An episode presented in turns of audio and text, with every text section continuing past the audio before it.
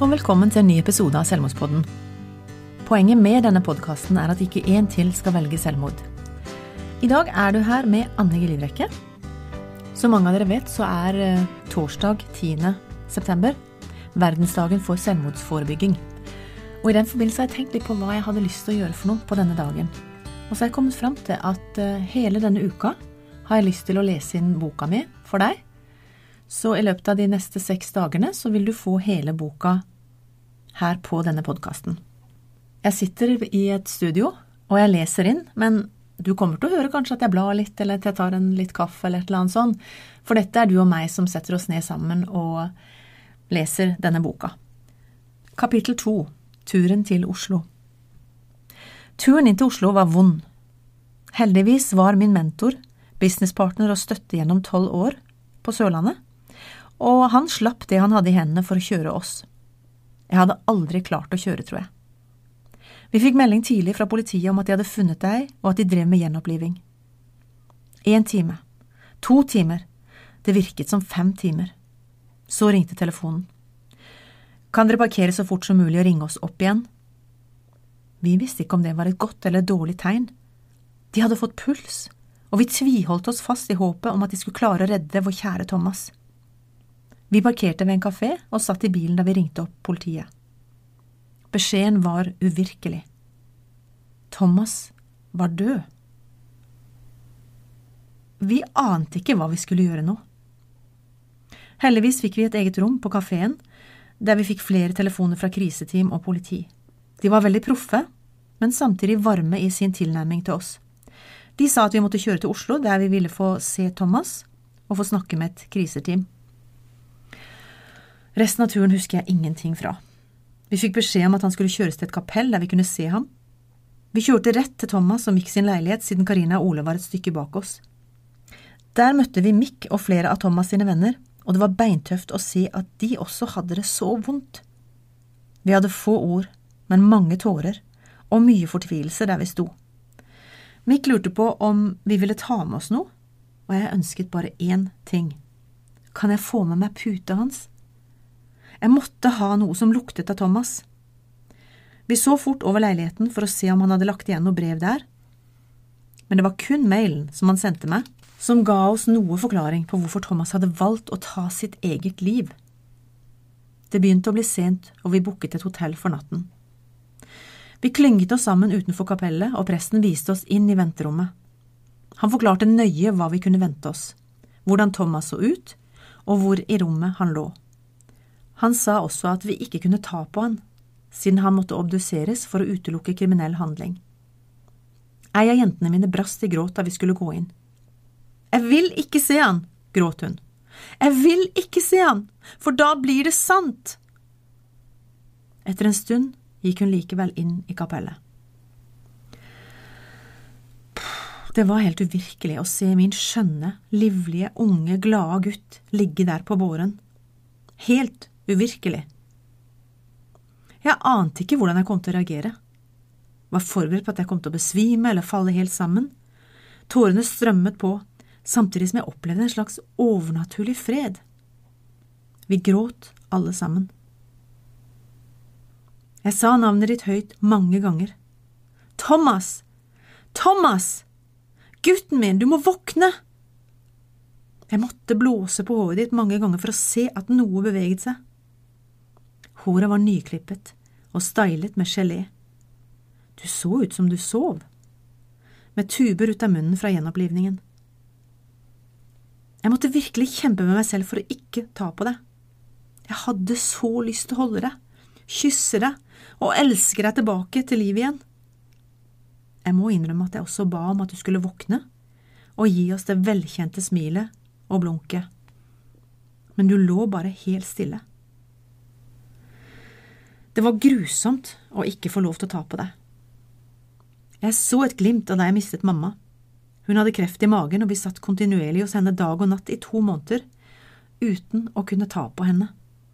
Hun tålte ikke lyder eller berøring, siden det ga henne uutholdelige smerter. Men da hun døde, kunne jeg endelig holde henne, klemme henne. Borte var det plagede ansiktsuttrykket, og hun smilte.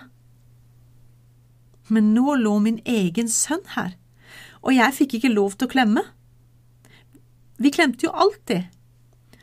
Du ga verdens beste klemmer. I stedet måtte jeg bare se på at du lå helt livløs med lukkede øyne. Det var hjerterått. Det var en liten pause. Alle de tre søstrene dine kom inn. Vi var ekstra påpasselige med Karina, som var gravid i femte måned. I ettertid har vi alle stusset på at det midt oppi alt var veldig fredfullt der inne. Ei av jentene beskrev at hun følte at hun hadde noe tungt og mørkt som holdt henne helt fra vi fikk vite om Thomas, noe som holdt så hardt at hun ikke fikk puste, men i det sekundet hun så Thomas, ble det røsket bort. Vi var der lenge og kunne gå inn og ut flere ganger. Sykehuspresten var der hele tiden, og han var veldig god å prate med. Jeg må innrømme at jeg hadde så lyst til å holde det at jeg vurderte å bare gjøre det og heller risikere straffen, hva det enn måtte bli. Men jeg visste jo at grunnen var for å beskytte deg, og være sikker på at det ikke var skjedd noe mot din vilje. Tanken streifet meg. Kan du ha hatt fiender som har tvunget deg, også til å skrive brevet? Nei, brevet var så gjennomtenkt, velskrevet og tvers igjennom deg, Thomas at det umulig kunne vært noen andre som hadde tvunget deg til å skrive det. Jeg ser at jeg har skrevet i du-form helt hit. Det har vært den eneste måten jeg har klart å skrive dette på. Jeg har også behov for å snakke til deg, selv om du ikke er her lenger.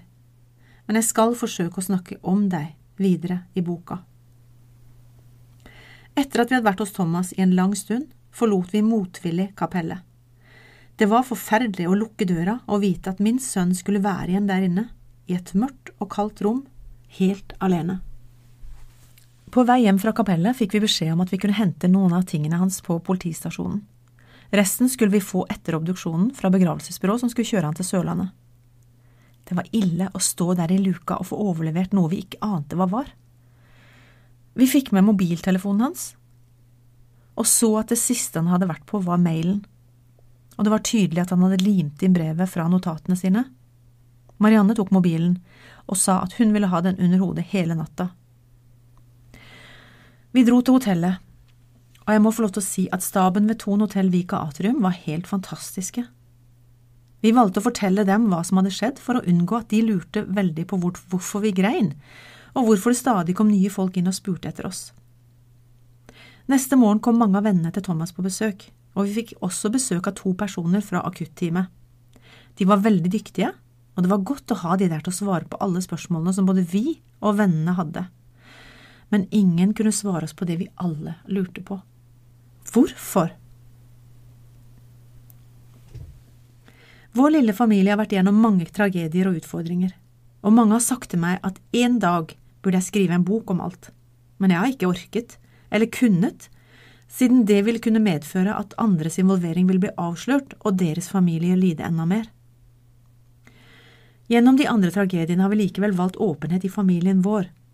Vi har ikke forsøkt å dytte ting under teppet, og vi fikk alle profesjonell hjelp til å komme oss videre. Vi hadde også regelmessige familiemøter, der vi alle fem hadde tid og plass til å snakke om viktige ting. Derfor var vi aldri i tvil om at vi ville være åpne og fortelle sannheten om Thomas. Han var ikke bare død, han valgte det faktisk selv. Vi ble enige om at vi måtte få sagt fra til Thomas sine venner, men vi ante ikke hvilken kant vi skulle begynne i, siden han hadde venner over hele landet. Marianne postet derfor et innlegg fra henne på hans side på Facebook. På denne måten nådde vi hele hans vennekrets, og alle fikk vite det på likt. Rykter spres fort, og vi ønsket å styre informasjonen til hans vennekrets så godt vi kunne. Her er det vi skrev. Kjære alle Thomas sine. Som mange har fått med seg, har vi nå opplevd det verste man kan tenke seg. Det at vår umistelige sønn, bror, onkel, svoger og venn har gått bort, av egen vilje, har satt dype spor hos oss alle. Vi, som mange av dere, har det forferdelig vondt og står igjen uten verdens største solstråle, gode, trygge venn en omsorgsfull støttespiller og et kjærlig familiemedlem. Vi minnes Thomas med glede og latter og masse kjærlighet, fordi han rett og slett var verdens beste gutt. Og vi har bare gode minner med Thomas. Og det føles godt. Håper at alle tar vare på hverandre i denne sorgfulle tiden. Vi ber om forståelse for at familien vår ønsker ro, men om noen har behov for å snakke med noen av oss, kan dere sende oss en melding, så gjør vi så godt vi kan med å svare. Vi kondolerer til alle som har mistet vår kjære Thomas. Vi har opprettet en minneside hvor vi alle kan minnes Thomas med bilder og historier. Og Thomas, Little Kitchen, Bridge, jeg elsker deg høyere enn himmelen. Du er helt spesiell for meg. Jeg er uendelig takknemlig for alt du har vært for meg og mine. Verdens beste bror er du, og verdens beste, gøyeste onkel. Takk for at du er lillebroren min. Jeg elsker deg. Natta ble spesiell. Vi lå i samme seng og pratet og grein til langt på natt. Jeg fikk selvfølgelig i hermetegn hedersplassen, i kløfta mellom madrassene, men det gjorde ingenting. Ingen av oss orket å sove alene. Hotellrommet ble vår base, og der kunne vi holde møter og være sammen, både med Thomas sine venner og akutteamet.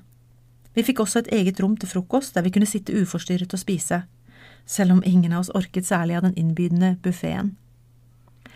På vei ut fra frokosten fikk vi alle en skikkelig bamseklem av en herlig ansatt som sa I'm so sorry for your loss. Hjemturen husker jeg veldig lite av. Marianne hadde fått anbefalt Jølstad begravelsesbyrå, og etter første telefon til Reidun Borrøy visste vi at dette var et riktig valg. Maken til oppfølging og varme har vi ikke sett maken til. Hun sa at vi måtte ta vare på hverandre nå, så skulle hun ordne alt det andre. Nå var det på tide å reise hjem. Vi hadde overlevd det første døgnet, men vår verden ville aldri mer være den samme. Vi hadde overlevd det første døgnet, men vår verden ville aldri være den samme mer. Kapittel tre Hjemme igjen Da vi kom hjem, flyttet minstejenta og jeg inn hos min eldste datter med familie. Vi hadde fått litt hjelp til hvordan vi skulle fortelle barna i familien at deres favorittonkel Thomas var død. Vi fikk beskjed om å være ærlige, men utelate detaljer. Så foreldrene fortalte det til dem alene, og nieser og nevøer fikk lov til å reagere på sin måte. De små overrasket oss med å sørge høylytt, for så å løpe ut og leke og le. Heldigvis at de hadde fortalt oss at dette var helt normalt. Fireåringen tok ansvar for å forklare for lillebror på to år. Nå skal jeg si deg noe som er veldig trist. Ser du han på bildet her? Det er onkelen vår. Han er død. Toåringen svarte ja. Hun la armen rundt ham og sa det er helt greit å være lei seg nå, lille venn. Ja, svarte han og smilte. Vi var sammen masse de første ukene. Det ble ikke så mye søvn, men heldigvis hadde Karina et puslespill som lå fremme, og det var godt å holde på med noe i lange nattetimer når søvnen uteble. Jeg klarte ikke å høre på musikk, lese, skrive eller ta telefonen hvis ikke det var de aller nærmeste. Jeg orket bare å se på minnesiden til Thomas på Facebook. Det var noe av det mest rørende jeg har opplevd. Venner som skrev hvor mye Thomas hadde betydd for dem. Han så de alltid. Han opplevdes som en bestevenn selv etter første møte. Vi fikk også se mange private bilder og videoer, og det var godt å kunne smile innimellom. Flere av vennene sa at det var vanskelig å grine, for hver gang de tenkte på Thomas, begynte de å smile. Midt i alt er jeg glad for at vi er i 2019, og at så mange videoer og bilder er tilgjengelige. Jeg skrev også litt selv på minnesiden, noe jeg var glad for senere fordi jeg fikk totalt skrivesperre. Jeg visste at jeg ville si noe i begravelsen, men jeg hadde sikkert fem påbegynte notater med kjære, elskede, skjønne gutten min, og så kom det ikke mer. Dagen før begravelsen sa plutselig Karina, Mamma, du har jo skrevet talen til Thomas, du postet den på din egen Facebook-side to dager etter at han døde. Da løsnet det for meg. Jeg trengte ikke å være superflink og skrive en flott tale. Jeg kunne bare bruke det jeg våknet med søndag 11. august. Her er det jeg skrev da. Min kjære, umistelige sønn, Karine og Mariannes lillebror, Miriam sin storebror, barnebarnas favorittonkel og svoger Thomas. Det er med ufattelig tristhet at vi må ta farvel med deg nå. Du har alltid vært vår solstråle, med din herlige humor, smittende smil og evne til å glede alle rundt deg. Det er slik vi vil huske deg. Midt i alt dette ble livet for vanskelig for deg. Ingen av oss rundt deg fatter dette. Vi har vært gjennom så mye, både gleder og tragedier, og vi har stått sammen i vår lille familie. Thomas hadde mange gode venner, og for både Thomas og oss har dere vært ikke bare venner, men familie. Det var usigelig godt å ha noen av dere der på hotellet i går sammen med Thomas sin fantastiske sjef fra Elkjøp. Vi vil også takke staben på Thon hotell Vika Atrium for varm service i et veldig vanskelig døgn. Takk også til hele hjelpeapparatet og akutteamet i Oslo. Vi har opprettet en minnegruppe på Thomas sin Facebook der vi inviterer dere til å minnes Thomas. Vi klarer dessverre ikke å svare på alle meldinger, men takker for varme ord og gode klemmer. Mange har tilbudt seg å komme og hjelpe, og det er vi usigelig takknemlige for. Akkurat nå trenger vi å være sammen som familie. Det beste dere kan gjøre nå, er å ta vare på hverandre. Anne. Jentene var opptatt av at Thomas skulle få ha på seg favorittøyet sitt i kista. Vi trodde at han hadde det på seg da han døde, så jeg ba Reidun om å ta det med hjem til meg fra Oslo. Jeg skulle møte henne på kontoret i Kristiansand den dagen hun skulle hente Thomas. Jeg hadde nettopp parkert bilen da jeg ser begravelsesbilen svinge inn foran meg. Da brøt jeg helt sammen, midt på gata, for jeg trodde Thomas var i bilen. Reidun skyndte seg å si at Thomas var i kapellet, og at vi kunne se, se han litt senere. Det gjorde meg litt roligere, og jeg ble med inn på kontoret og fikk en god prat med henne. Det var helt urealistisk å få en pose med tøyet til Thomas overlevert. Jeg ante ikke hva som ventet meg. Men nå som i alle de andre tøffe situasjonene etter brevet fra Thomas, fikk jeg en overnaturlig styrke og ro. Jeg dro hjem og var helt alene da jeg pakket opp posen. Jeg tenkte, dette kan jeg gjøre for deg, Thomas. Det var en av de få tingene han spurte om hjelp til etter at han hadde flyttet ut. Kan du vaske litt tøy for meg, mamma? Og så kom han med fem søppelsekker med skittentøy. Så jeg pakket rolig ut tøyet og så at alt var klippet i stykker av nødetatene som forsøkte å redde ham med ledninger og lignende. Likevel vasket jeg det. I etterkant har jeg tenkt på hvordan jeg orket det. Kommer jeg til å bryte sammen snart? Fortrenger jeg alt? Etter fire uker vet jeg ikke svaret på dette. Jeg har ennå ikke begynt i samtaler, men jeg har kjent en usigelig fred og styrke midt i alt. Folk sier at jeg er sterk, men jeg prøver bare å være til stede.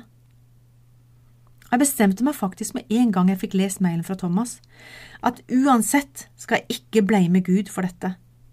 Jeg trenger hans hjelp gjennom dette, masse hjelp, så jeg orker ikke å bli uvenner med han. Perioden fram til begravelsen 22. august var smertefull, men viktig.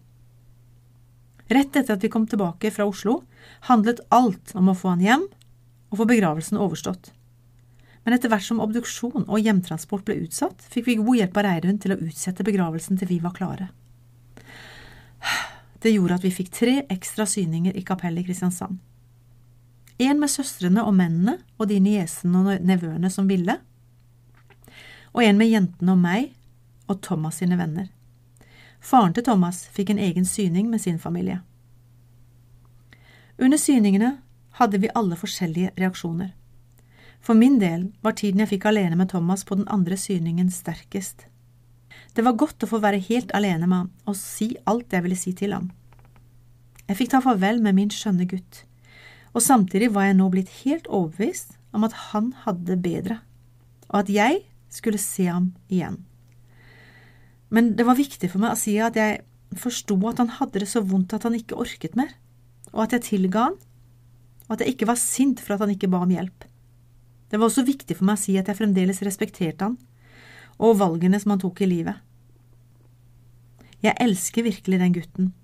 Det er derfor det gjør så usigelig vondt å miste ham. På den tredje syningen kom vennene hans. For min del var jeg overrasket over hvor mye lettere det var å se han denne gangen.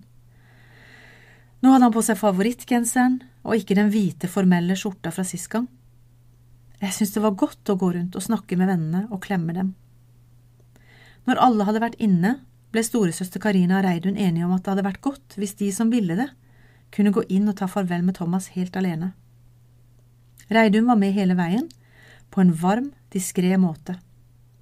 Det var viktig for meg å si fra både til venner og familie at det som kjentes rett for dem, var det de burde gjøre.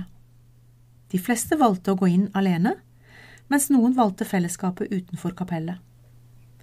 De som valgte å gå inn enten alene eller sammen med noen, sa alle at det var godt å få litt tid alene med Thomas, og kunne reagere fritt og si det de ønsket uten andre til stede. Helt til slutt har jeg lyst til å fortelle hvor du kan få hjelp. Kirkens SOS er en døgnåpen krisetelefon. Det samme er Mental Helse. Leve, Landsforeningen for etterlatte ved selvmord. Legevakten 116 117. Kors på halsen, Røde Kors sitt tilbud. Det er en samtaletelefon for barn og unge under 18 år. Og så er det tilbudet som heter Snakk litt, mellom Helsesista, Kirkens SOS og Nyby. Helt til slutt har jeg bare lyst til å takke deg for at du har vært med på denne episoden, og ønsker deg alt godt videre.